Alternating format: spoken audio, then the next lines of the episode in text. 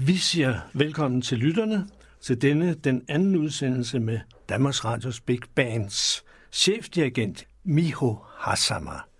Miho, Hi. welcome again to Radio Jazz Studio. Thank you. Thank you so much for having me. Back yeah, we here. have that you're back here. And we uh, looking forward uh, to hear what you play to the listeners today. It's your choice. Yes, it is my choice. okay. Uh, now I like to represent some jazz music from Japan. Yeah, Japanese jazz musicians. it's it's for my program uh, on Japanese jazz. It's good. Yeah, that's great. And then, uh, you know, I grew up with the music that uh, at the time I was just listening to. But eventually I found out that uh, that's, you know, that's the music that I, I like to compose. And then that's why I studied abroad in New York City to study jazz composition.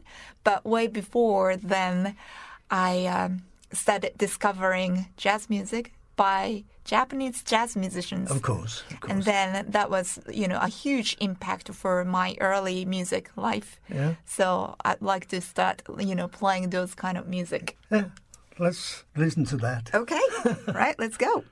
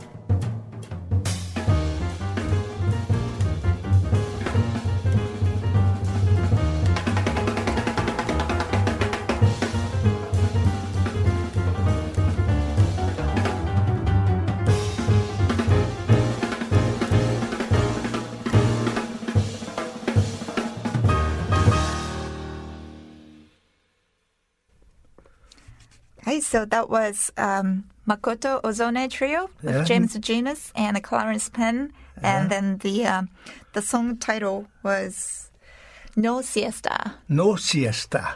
Espanol. Yeah, very happy Spanish. title. Yes. Yeah, yeah. No. Yeah. And uh, why did you play that? So this is, I guess, I discovered jazz music more when I was in high school. And then Makoto Ozone had a radio show back in Japan every Saturday evening. And my father discovered this, you know, radio show. And I enjoyed, uh, you know, his speaking. He's from Osaka area. Okay. So he's his, you know, talking is very, very oh, he's happy. talking also. Yes, yeah. And then representing, you know, you. jazz music. And it was very funny. It's so fun. So I was 15 years old at the time. Yeah. And I started listening to the radio show, and then I was very much looking forward to this show every Saturday. And then that's how I, disco- I discovered Makoto Ozone's music. And then uh, since then, I'm a huge fan of him, and this album was one of the. um uh, the albums that uh, I listened to the most of the time in my high school life from age 15 to 18, I think. So I still remember all of, you know, his. yeah, you um, did hear the fingering. You Yes. played with your right hand. Yeah, not that I transcribed his improvisation, but I memorized it because I listened to it so many times. And then uh, a little bit later, I think he released an album with uh, Gary Burton. It's a duo album uh, called Virtuosi.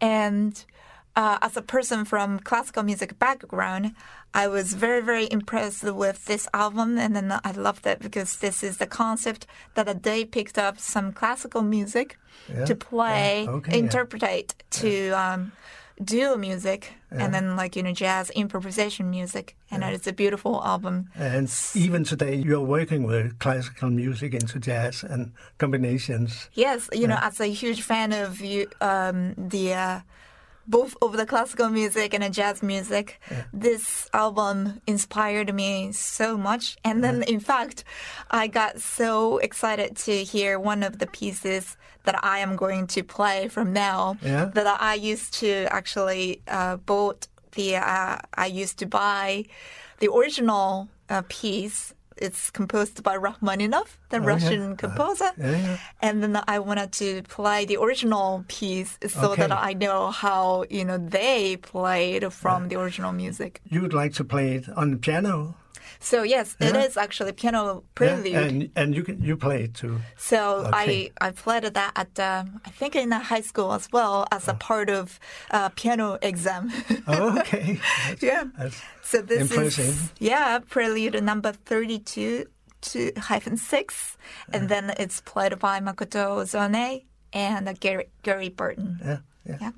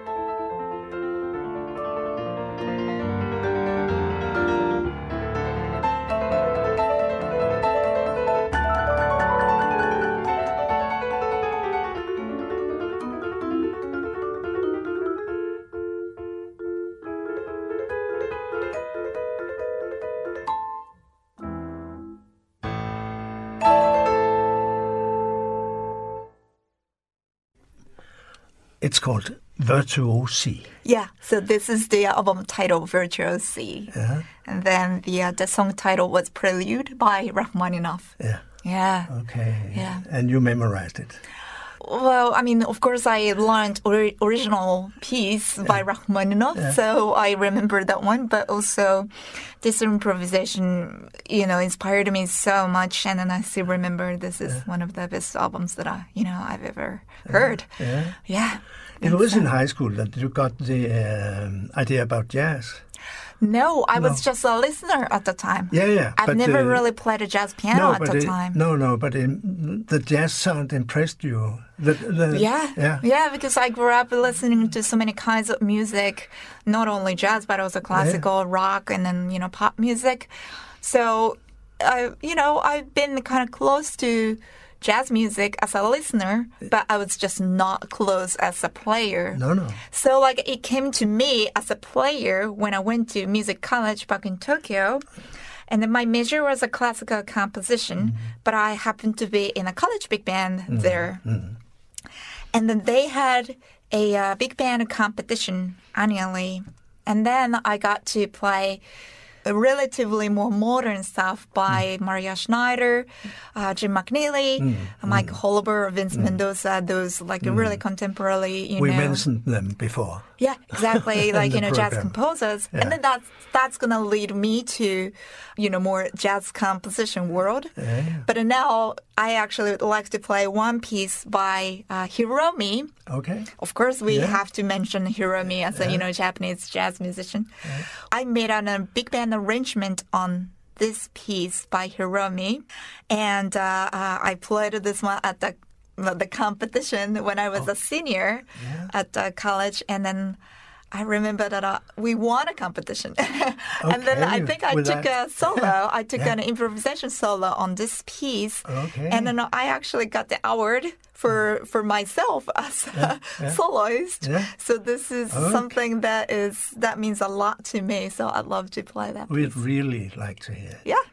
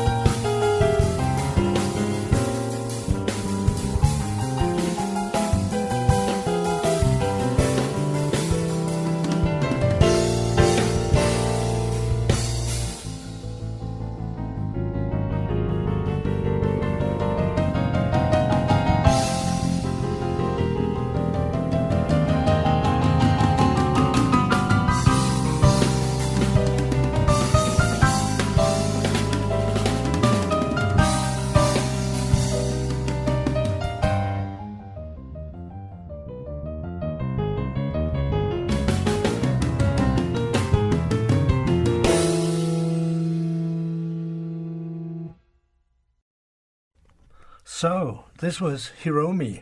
Yeah, and then even Hiromi's debut album from yeah, 2003. I didn't know that. I didn't know it. Yeah, you, you know, this recording, I haven't listened to this album in a while, so it brought me back to my college memories right away. yeah, it's yeah. so cool. so this is the very original. strong, very strong music. Yes, very a much. debut so. album. yes, I know it's amazing.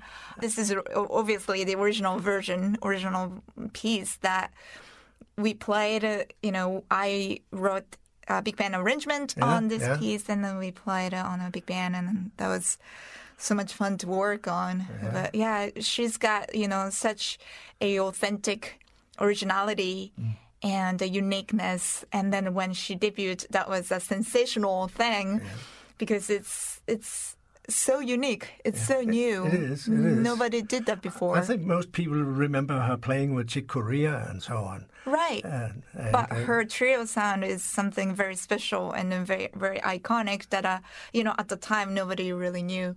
And then you know she invented this kind of sound and then explore something. So you know I really admire what she did on and the title of the tune. this is the uh, uh, from the album called Another Mind, and uh, the title was "The Truth and Lies." Yeah. Thank you. Yeah. so moving on from there, Yeah. then when I went to college, so uh, we, I mean, I started playing jazz piano in a college big band, and uh, when I was in a senior, which was when I was 20 years old, I suddenly got an email from free jazz pianist named Yosuke Yamashita, Yeah. and he It's uh, it's surprising. it was a surprise because um, he's a very very famous jazz pianist first of all in Japan, but I had never you know talked to him, although he is from the same college as I went, and then he was uh, like a special supporter for the college big band. So when we had a college festival, he sometimes played as a guest pianist for just one piece okay. in the Did he play freestyle piano then? Sometimes yes, yeah, but sometimes you know with the big band, and then we played uh, rhythm changes or like Yeah, those kind of things, and then yeah, I just considered him as the most you know famous jazz pianist in Japan. But I got an email from him asking if I would be interested in orchestration uh, for his new piano concerto. Yeah. And then, first of all, I thought that that was um, like prank email. That's Okay, something okay. wrong. and I brought that email back to my home, and then I asked my parents if this is like a spam or not. and that's you know how it was, uh, you know, surprising. Yeah. I, I, I dare say. So I, knew- you know, I decided to to reply this email, and then that was a real. so I got to see him, and I ended up, you know, orchestrating his uh, third piano concerto called Explorer. But it was a concerto that he had written. So down. it was It was not an improvisation. Concerto. um, so well, you know, that consists of three movements. okay. I mean, piano for the um, and also for the symphonic orchestra. So first movement was a little bit more like a sketch that he had his part and uh, um, orchestra part a little bit more specifically. Second movement was more like a lead sheet with the uh, really beautiful melody, and that's still my favorite, you know, piece by him itself.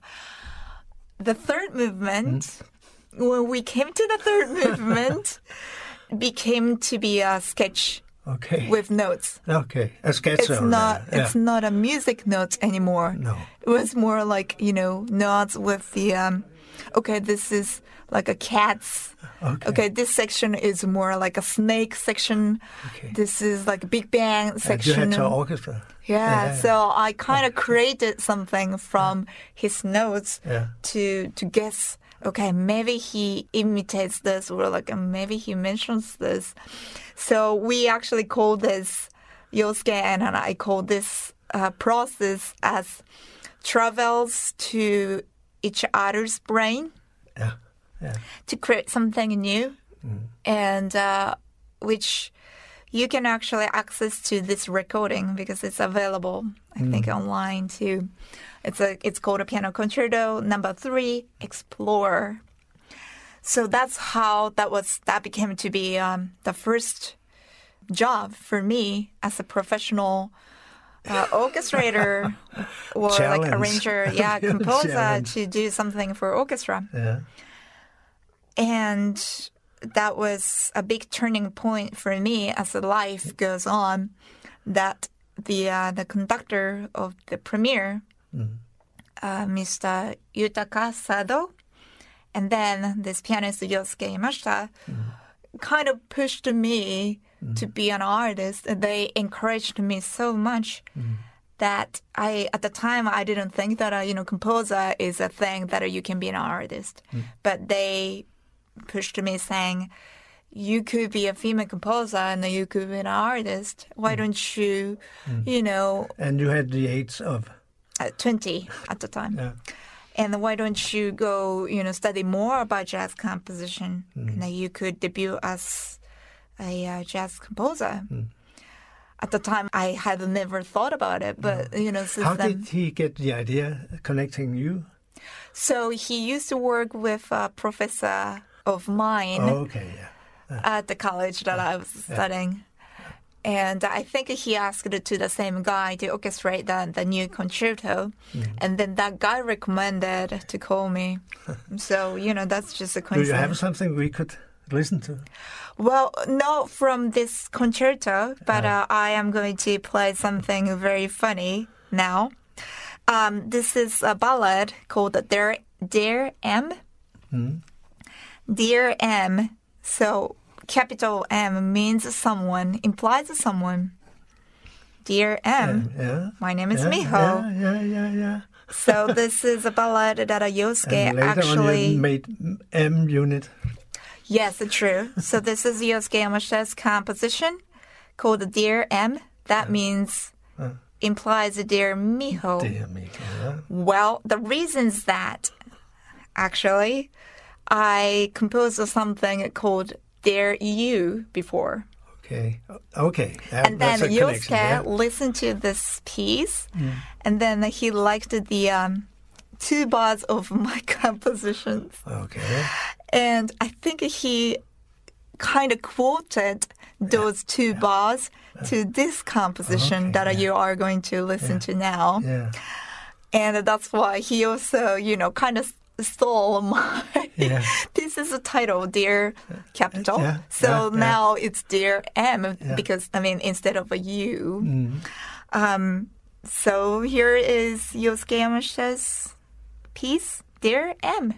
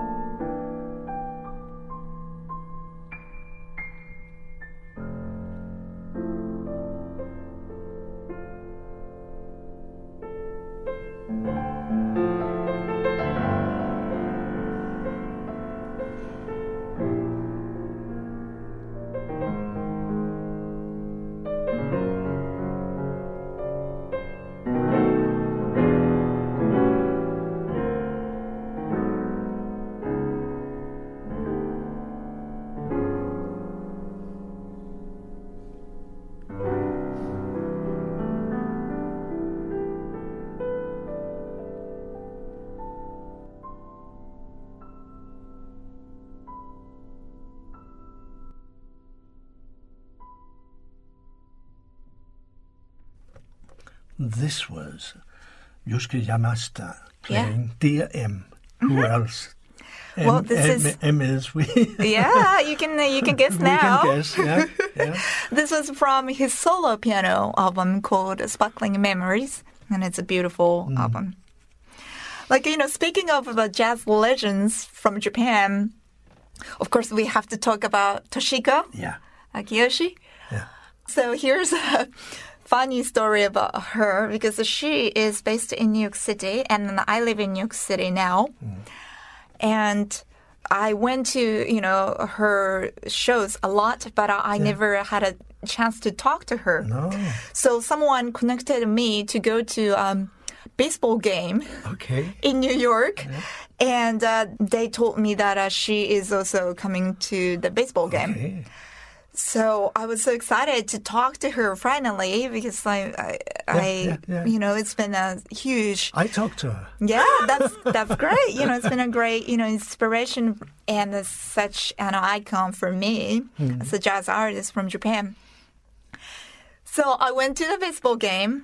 That was probably like three years ago, and uh, I talked to her, but she was so into the baseball game because the Japanese pitcher was pitching in the game. Okay. So she was following one ball by one, and then she was like, "Go, no, go," and then she never, you know, looked at me, and I didn't want to disturb her, so No. I ended up not talking to her. Oh, okay. But then she was.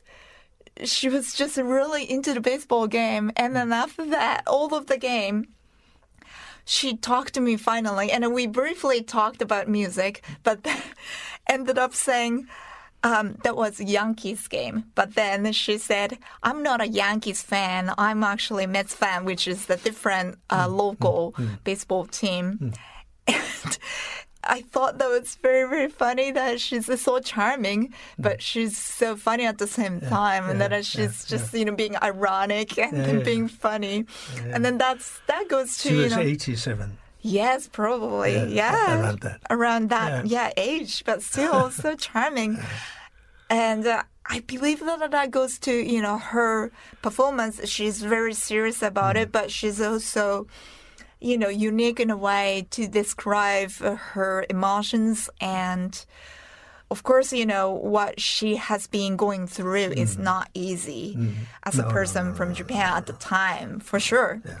But she was so strong and uh, so brave. Mm. And then she went through all of that. Now, you know, she can be funny through the music. Mm. Yeah. And I think this is fascinating. So, uh, you know, that's that was my episode with her. Yeah. But now I'd love to, you know, play her um, one of the uh, her iconic piece, which is called Long Yellow Road.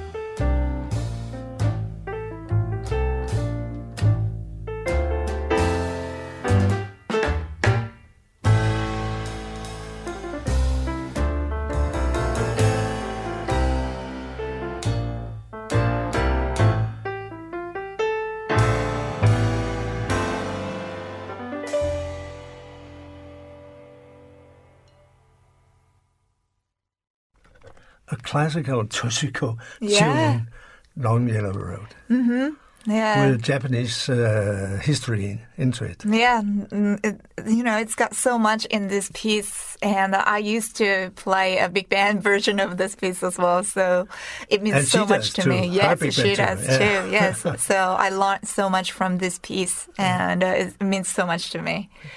Yeah, you know, another artist from Japan who used to live in New York City that I get a lot of inspiration is Junko Onishi. I didn't overlap at the time that uh, I uh, uh, lived. I mean, I live in New York City. Well, she lived in New York City before, and then we didn't overlap No, each no, other. No, no. But she has such a history, you know, playing in a really great, you know, venues in New York. I Mm. mean, not only New York City, but uh, all over the world. Yeah. she was considered one of the best Japanese uh, jazz piano players ever. Yes, yes, I agree with that. And her groove sense is something very sensational to me when I heard her playing for the first time in live. And since then, her playing is uh, such a big inspiration for me. I was lucky enough to, to get to know her because she asked me to uh, write big band arrangement and a big band composition. It's not long ago. Right, it's not long long ago, probably four years ago. Yeah. And since then, we've been collaborating each other. Um, that um, I wrote a couple of arrangements for her albums since then, uh, for strings, sometimes for like her quintet, which is not recorded. But and then we had a big band of shows together, and I still stay in touch with her. And then she's such a uh, great mentor for me. So um, now I'd like to actually play Yeah. the composition. Actually, that's my composition Yeah. called The Intersection, which is in Junko Onishi's album called Tea Times.